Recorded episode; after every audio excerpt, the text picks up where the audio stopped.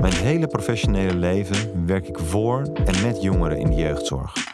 Nog nooit veranderde er zoveel in de jeugdzorg als nu. De jongeren staan aan de frontlinie van die verandering. Te vaak nog omdat ze de rekening betalen voor wat er niet goed gaat, maar ook omdat zij zelf vormgeven aan de jeugdzorg van de toekomst. In deze podcast ga ik op zoek naar de Transformers. Jongeren die de jeugdzorg zelf hebben ervaren en met hun ervaringen een fundamentele verandering teweeg willen brengen. Mijn naam is Wiebe van Stenis en vandaag spreek ik Noah van Hagen. Noah, waar zijn we beland? In een campingstoel in, in de Franse Ardennen. Ja. we zijn van een heel klein studiootje naar een gigantisch landgoed gegaan. Met een kasteel. In 3,5 jaar, ja. Wat doe jij in dit kasteel? Ik ben hier eh, een week lang met negen jongeren die eh, zijn vastgelopen. Om eh, ja, een hele bijzondere week met ze te hebben. Bezinning, ontwikkeling, plezier. En ja, En heb je dit zelf bedacht? Ben je, hoe, hoe, waarom doe je dit? Nou, ik heb wel al, eh, al langer de droom of zo gehad om met jongeren naar het buitenland te gaan. En eerst dacht ik, ik wil met ze gaan backpacken. En toen dacht ik, ja, dat is toch wel een hoop eh, ingewikkeldheden komen daarbij. Met tenten en een hoop gewicht. En niet alle jongeren zijn daarop ehm, uitgerust, zeg maar. En eh, ja, toen ben ik eigenlijk gewoon gaan zoeken naar kansen. En ik heb een oproepje gedaan op LinkedIn van ik ben op zoek naar een locatie in, in het buitenland. Bij voorkeur de Ardennen. Of ja, dus eigenlijk de Ardennen. en zo werd ik eh, via via gelinkt aan best wat mensen. En toen ben ik eigenlijk gewoon eh, op bezoeken, heb ik bezoeken gebracht. En, eh, Ben je op tournee gegaan door ben- de Ardennen? Ja, Ja. eigenlijk wel. En toen kwam ik bij dit kasteel en ehm, ja, toen had ik dus een locatie gevonden.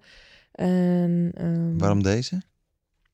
veel ruimte om mensen kwijt te kunnen. Dus er kunnen hier ongeveer 15 mensen verblijven. Ehm, ja, de omgeving. Je zit hier in de Franse Ardennen, dus net over de grens bij, eh, bij Frankrijk. En de omgeving is hier prachtig. Het, het is heel rustig. Eh, je hoort de vogeltjes misschien zelfs sluiten op dit moment. Hmm. En eh, je kunt hier allerlei leuke outdoor activiteiten doen.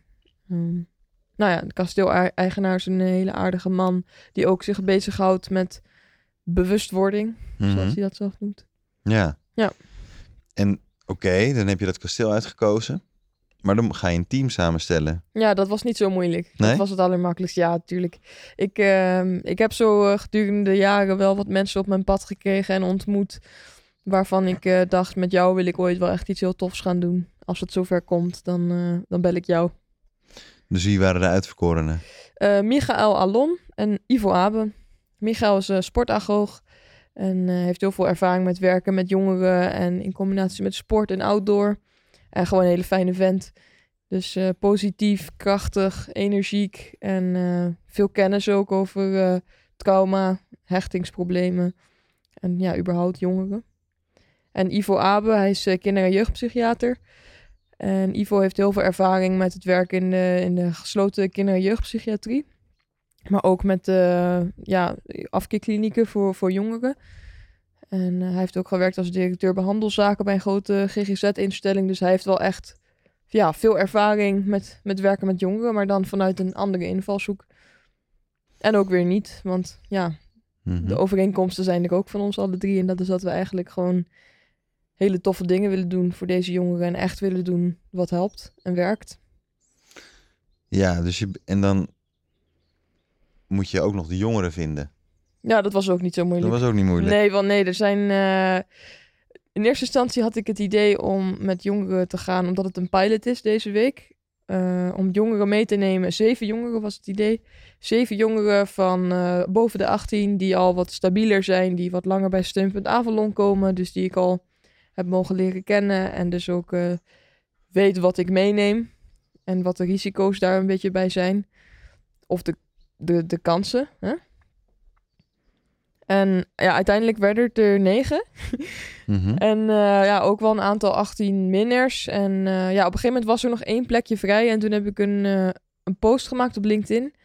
En daar zijn denk ik 50 aanmeldingen van gekomen. En echt zulke schrijnende situaties dat ik ja, ik zat echt een beetje met mijn handen in het haar. Dat ik dacht, hoe ga ik nu die laatste plek vervullen? Nee, je moet 49 keer nee zeggen. Eh, ik kan niet zo goed rekenen.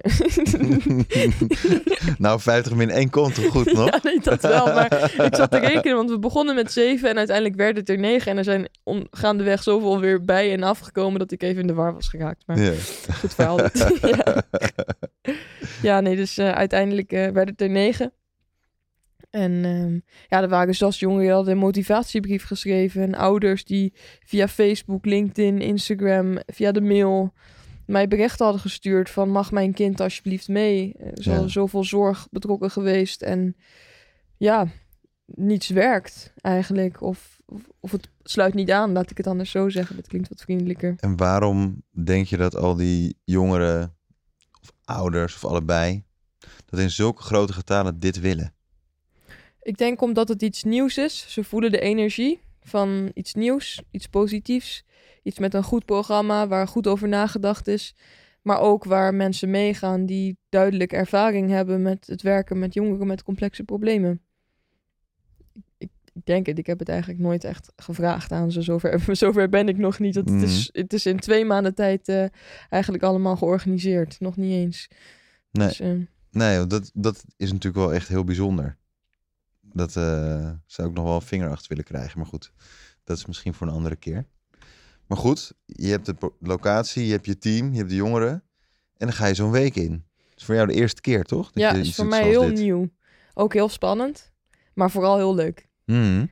Maar neem, neem ons eens mee. Want maandag kom je hier. Zaterdag, Zaterdag. volgens mij. Ik, ik moet zeggen, we zijn dus nu al op de laatste dag. En ik ben ook De laatste behoorlijk hele moe. dag. De laatste hele dag. morgen je terug. Morgen gaan we. Ja. We zijn op vrijdag eh, ochtend vanuit Den Haag vertrokken met een negenpersoonsbus en twee personenauto's. En een auto vanuit het zuiden, want er was ook een meisje mee vanuit Zuid-Limburg. Hoe, hoe vul je dan zo'n week? Heb je daar dan een gedachte bij? Hebben jullie daar... Nou, Michael heeft daarin een hele grote rol gehad. En ook bij de uitvoering. eh, met zijn achtergrond en zijn ervaringen in het werk, het groepswerk. En dan heb ik het niet over groepswerk in de jeugdzorg, maar groepswerk in ja, toch wel alternatieve vormen van zorg. Waarin er heel veel aandacht is voor sport en spel en psycho-educatie en andere elementen.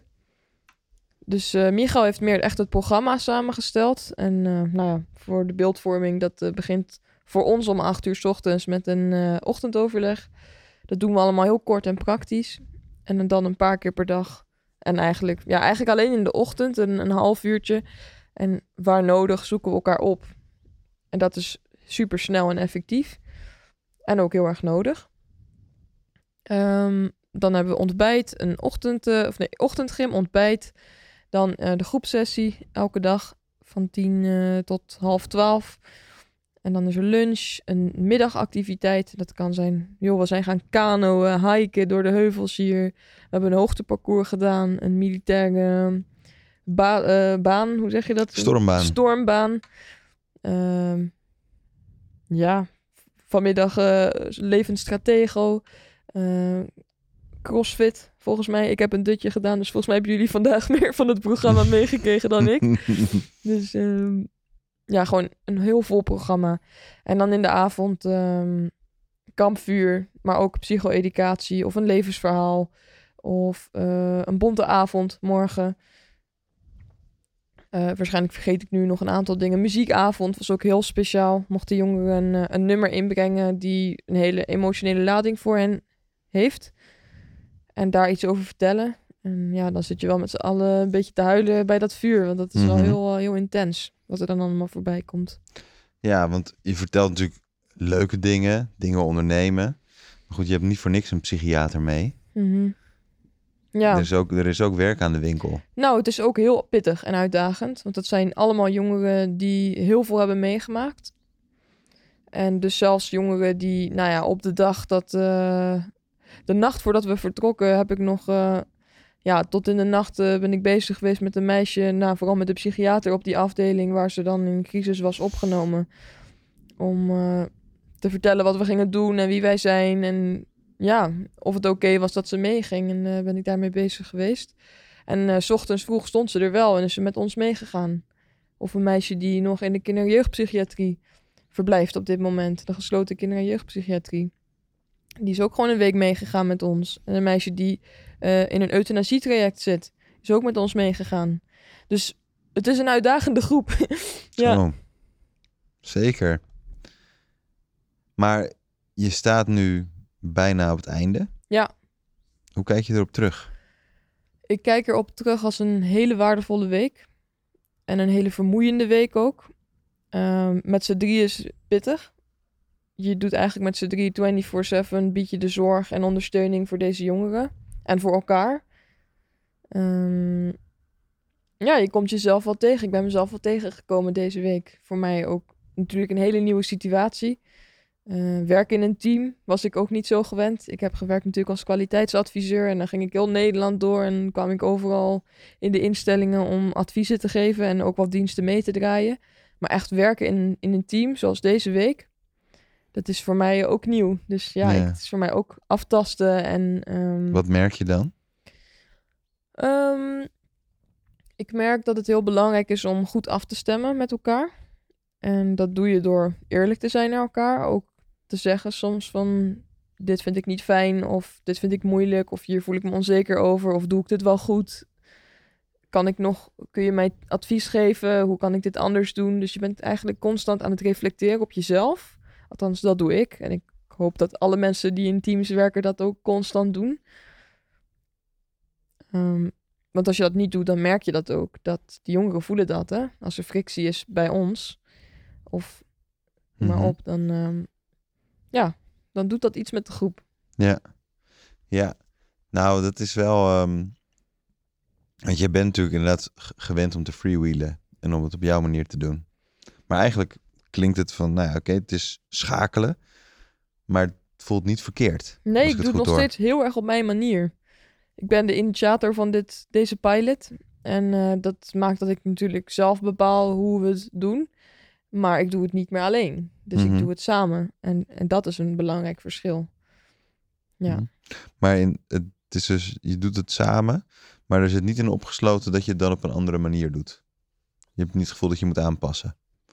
Dan heb je een goed op elkaar ingespeeld team. Nou, natuurlijk moet je je op elkaar aanpassen. Maar niet dusdanig dat je je eigen eh, visie of zo, of je eigen... We zitten trouwens met z'n drieën op dezelfde, op dezelfde lijn, dus ja, dat zal niet het probleem zijn. Maar ja, ik heb niet het gevoel dat ik me dusdanig moet aanpassen dat ik er ongelukkig bij voel of zo. Of dat ik niet het gevoel heb dat ik tot mijn recht kom. Nee. En dat hebben die andere twee net zo, dat durf ik zo, zo te zeggen. Ja. Ja. Nou, ik wil nog op iets terugkomen wat Vertel. je net zei. Want je noemt het een pilot. Maar een pilot is natuurlijk dat je iets uitprobeert en kijkt, nou werkt het ja of nee. Mhm. Maar volgens mij hebben jullie er al zoveel overtuiging dat het ook wel zeker is dat jullie volgend jaar weer gaan. ja, in april. We hebben al, we hebben al een maand. ja. Klopt. Dus ja, eigenlijk ja, is het geen pilot. Het is een start ergens van. ook. En we gingen er wel in met het idee van dit is een pilot. En deze week is zo intensief geweest ook met elkaar dat je... Zeg maar niet alleen de jongeren maken een proces door elke dag. Maar ook wij als team zeg maar van oh, dit werkt wel, dit werkt niet.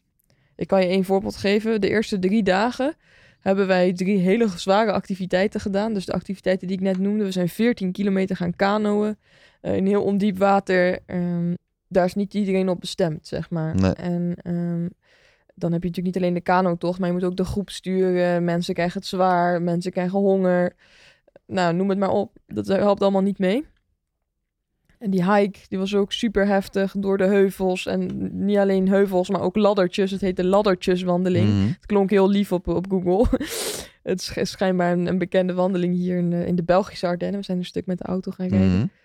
Maar ja, je moest gewoon, het waren gewoon echt ladders waar je op moest klimmen, op en af. En eh, door kokers heen. Dus het was ja, veel. Mhm. En dan kom je terug om acht uur s'avonds en dan moet er nog gekookt worden. Eh, jongeren die kunnen het heel moeilijk krijgen met zichzelf. Dus die, die moeten dan één op één aandacht krijgen.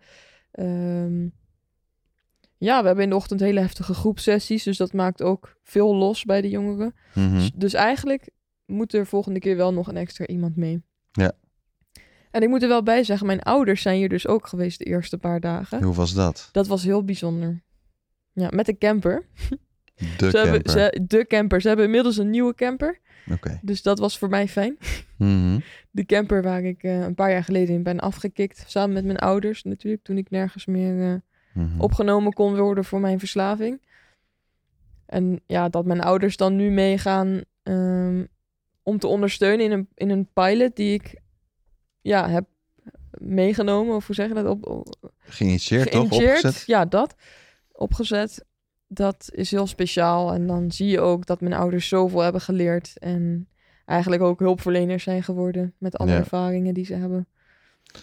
Ja, maar ook eh, de, de, de, ik wou zeggen rise and fall, maar de fall and rise ook echt zo zien.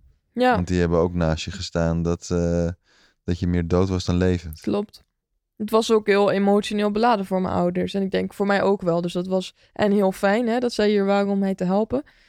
Maar ook dat was toch ook vermoeiend voor mij. Omdat, ja, Ik ben daar ook mee bezig. je bent er wel ook mee bezig. Het staat niet los van elkaar. Dus dat heb ik ook gevoeld natuurlijk. Van, oh, mijn ouders met die camper. En ja, zit je toch s'avonds rond het kampvuur... en dan komen de verhalen wel, snap je? Mhm.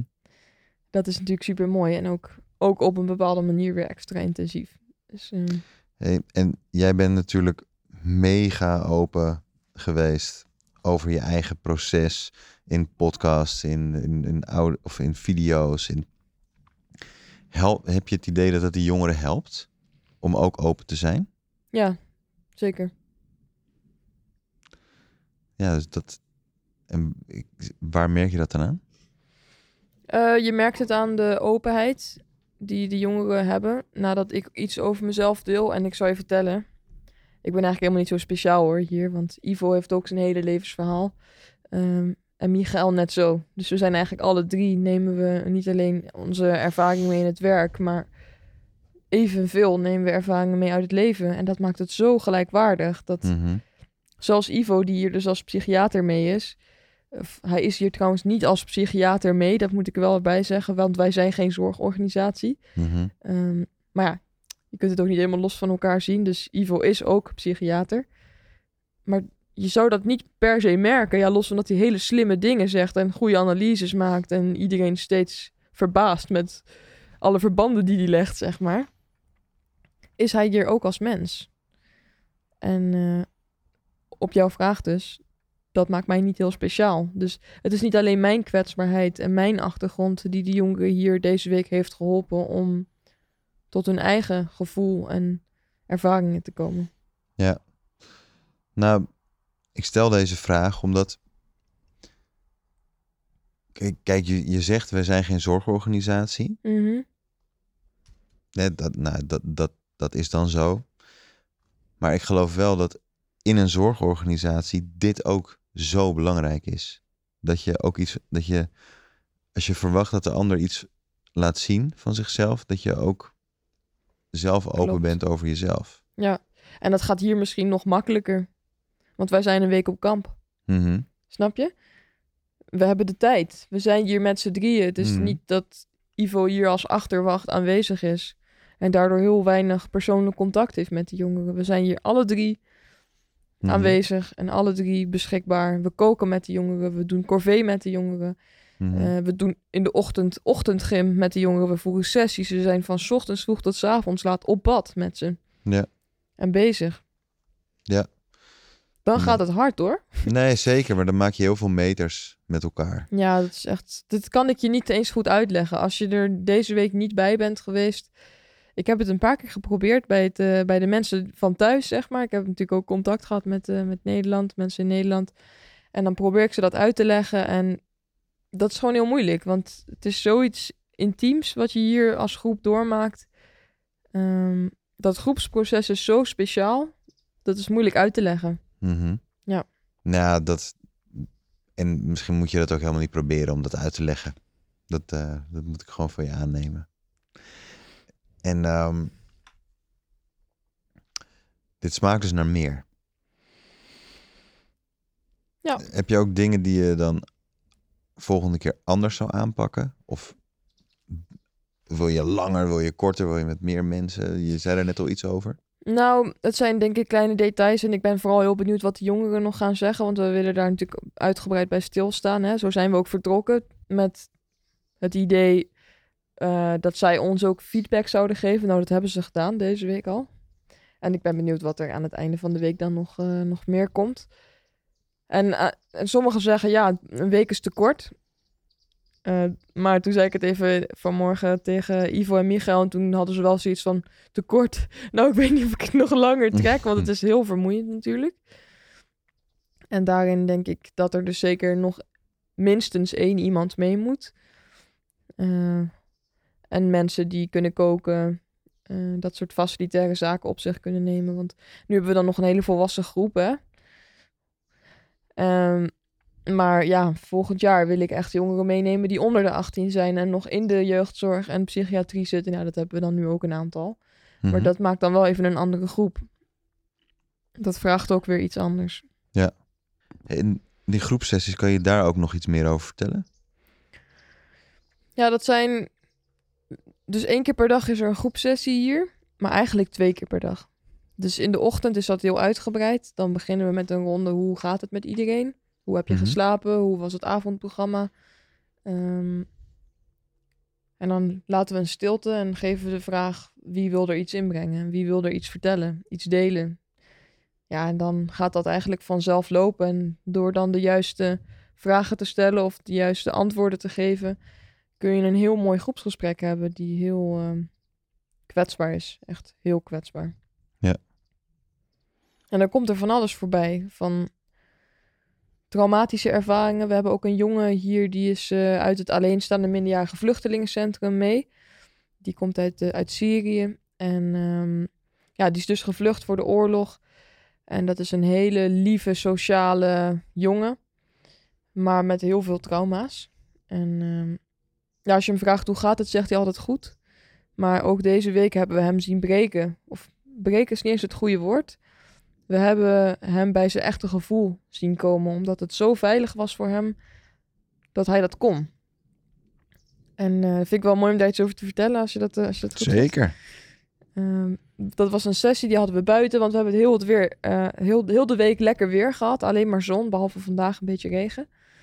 Ehm, dus wij zaten buiten in, eh, in de cirkel. En ja, hij zat er gewoon niet goed bij. Hij was afgesloten, boos, verdrietig. We konden niet helemaal peilen, maar hij zat heel gespannen in ieder geval in die groep. En toen vroegen we hem van, eh, joh, hoe gaat het met je? En toen kon hij daar eigenlijk niet goed antwoord op geven. En toen bleek dus heel snel dat, door wat hij zei ook, van dat hij heel veel herinneringen had. Traumatische herinneringen of herinneringen aan traumatische gebeurtenissen in, in, uit zijn jeugd in Syrië. Hij woont hier trouwens pas drie jaar. En ehm, toen zei hij dus van, ik ben bang dat als ik nu vertel wat ik allemaal heb meegemaakt, dat jullie gaan huilen of dat jullie het niet aankunnen. Dat was eigenlijk wat hij zei. En toen zijn we eigenlijk de groep rondgegaan en toen hebben we dat gevraagd van en ook de kans gegeven van weet je wel, als je dit niet aan kan, dan voel je alsjeblieft vrij om weg te gaan, hè? Ook om hem het gevoel te geven van we nemen jou echt serieus en dus ook als mensen het niet aankunnen, dan kiezen ze daarmee voor jou. Mhm. Want de mensen die blijven zitten, die zijn er klaar voor. Ja, dat had hem zo'n krachtig, dat had hem zo gesteund of zo. Nou, toen begon hij te vertellen over, over de oorlog en over bommen die ontploft waren. En hoe hij zelf ook gewond daarbij was geraakt en heel veel lijken had gezien. En ehm, familieleden had verloren. En ja, gewoon heel veel onveiligheid had gekend. En wat er toen gebeurde was zo speciaal. Hè? Eigenlijk dat we dachten, oeh, gaat hij nu knallen of gaat hij nu door? Dus er doorheen komen. En toen begon hij te huilen en toen zakte die spanning voor een groot deel weg. En iedereen was zo ehm, met hem of zo. En dat heeft hij gevoeld. Mhm. En hij had nog nooit gepraat over deze dingen. En we hebben hem zo goed opgevangen daarin. En niet alleen in die sessie, maar die hele dag. Ja, man. En deze jongen heeft zo'n mooi proces doorgemaakt deze week. En ik wil echt niet zeggen dat het nu opgelost is en dat hij nu genezen is of dat zijn trauma's niet meer eh, problematisch zijn of aanwezig. Maar wat deze jongen deze week heeft gedaan hier door te vertellen erover en ons in vertrouwen te nemen. Hij zei ook van jullie zijn niet mijn vrienden, jullie zijn mijn familie, zei hij. Hm. Ja, toen eh, kreeg ik wel een beetje kippenvel. Toen dacht ik, Ja. eh, zo'n Ja. goede jongen. Nou, het is wel heel mooi dat je dat, je dat vertelt. Want het, het is misschien soms ook moeilijk tastbaar wat, het nou, wat nou echt die mooie momenten zijn op zo'n week. En nee hoor, eh, dat is niet moeilijk. Dat is heel zichtbaar eigenlijk. Nee, maar voor iemand die luistert, voor jou oh, natuurlijk ja, wel. ik dacht Ja. al. ja. Ja. ja, ik snap hem nu. Ja, en zo zijn er meerdere mensen die dus hebben gesproken over dingen waar ze of nog nooit over hadden gehad, of nog zo mee zaten dat ze de behoefte voelden om daarover te praten. En dat, nou ja, ging dus van, van dit verhaal tot seksueel geweld en ehm, mishandeling. Dus hele zware thema's kun je je voorstellen voor een, ja, een Ja. pilot. Maar ja, het ontstond en het, en het was oké, het was veilig. En ja, we hebben dat heel goed opgevangen. Fijn. Oh ja, er waren er ook nog een paar die gingen trouwens voor het eerst stoppen met, eh, met blowen deze week. Dus het was ook nog eh, op die manier een uitdaging. Maar achteraf is dat ook, eh, ja, Want dat was wel een lijn die jullie stelden. Geen drugsgebruik. ja zeker. Ook geen wiet. Nee, dat is Ja. drugs. Ja, daar denkt niet iedereen hetzelfde over. Oké. Ja. Nee, geen alcohol, geen drugs. En eh, de jongeren die meekwamen, die hebben er ook heel bewust voor gekozen. Die wilden dit aangaan. Ja. En bijvoorbeeld die, die jongen die ik net vertelde, die, die had ook dus problemen met blowen. En die zei ook van, ik wil het niet meer. Dus ja, ik wil heel graag mee om te stoppen met blowen en om met jullie te zijn. En ja. Ja. En hij heeft het gewoon gerokt. Die jongen Ja. is een week clean. Gaaf man. Ja. Wat ik ook heel mooi vind, is dat dit... Zijn dit allemaal jongeren die ook bij Stichting Avalon komen? Ja. Steunpunt Avalon, Steunpunt. Avalon. Ja, daar heb ik ze ook op uitgekozen. Ja.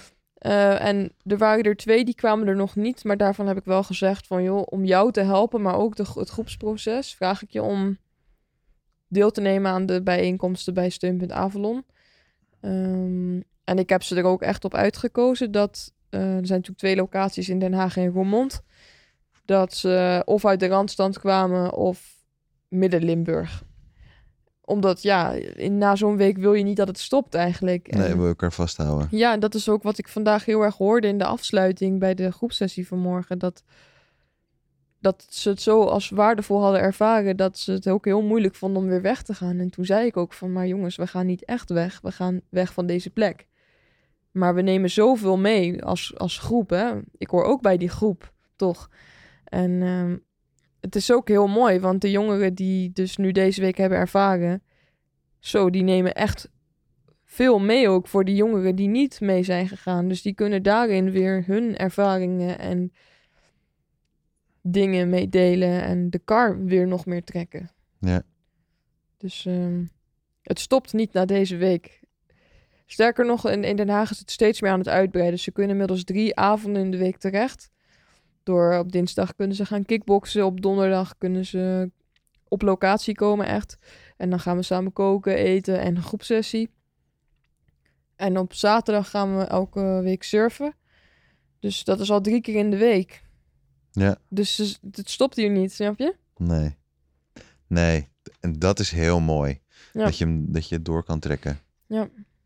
Dus dit is echt waar jij eh, op gaat richten de komende tijd. Ja, zeker. Nou, ik ga nog een keer langskomen. Nou, je bent welkom. En het begint meteen heel hard te regenen. Dus volgens mij is dit het einde. Dit is een heel natuurlijk einde. Ja, inderdaad.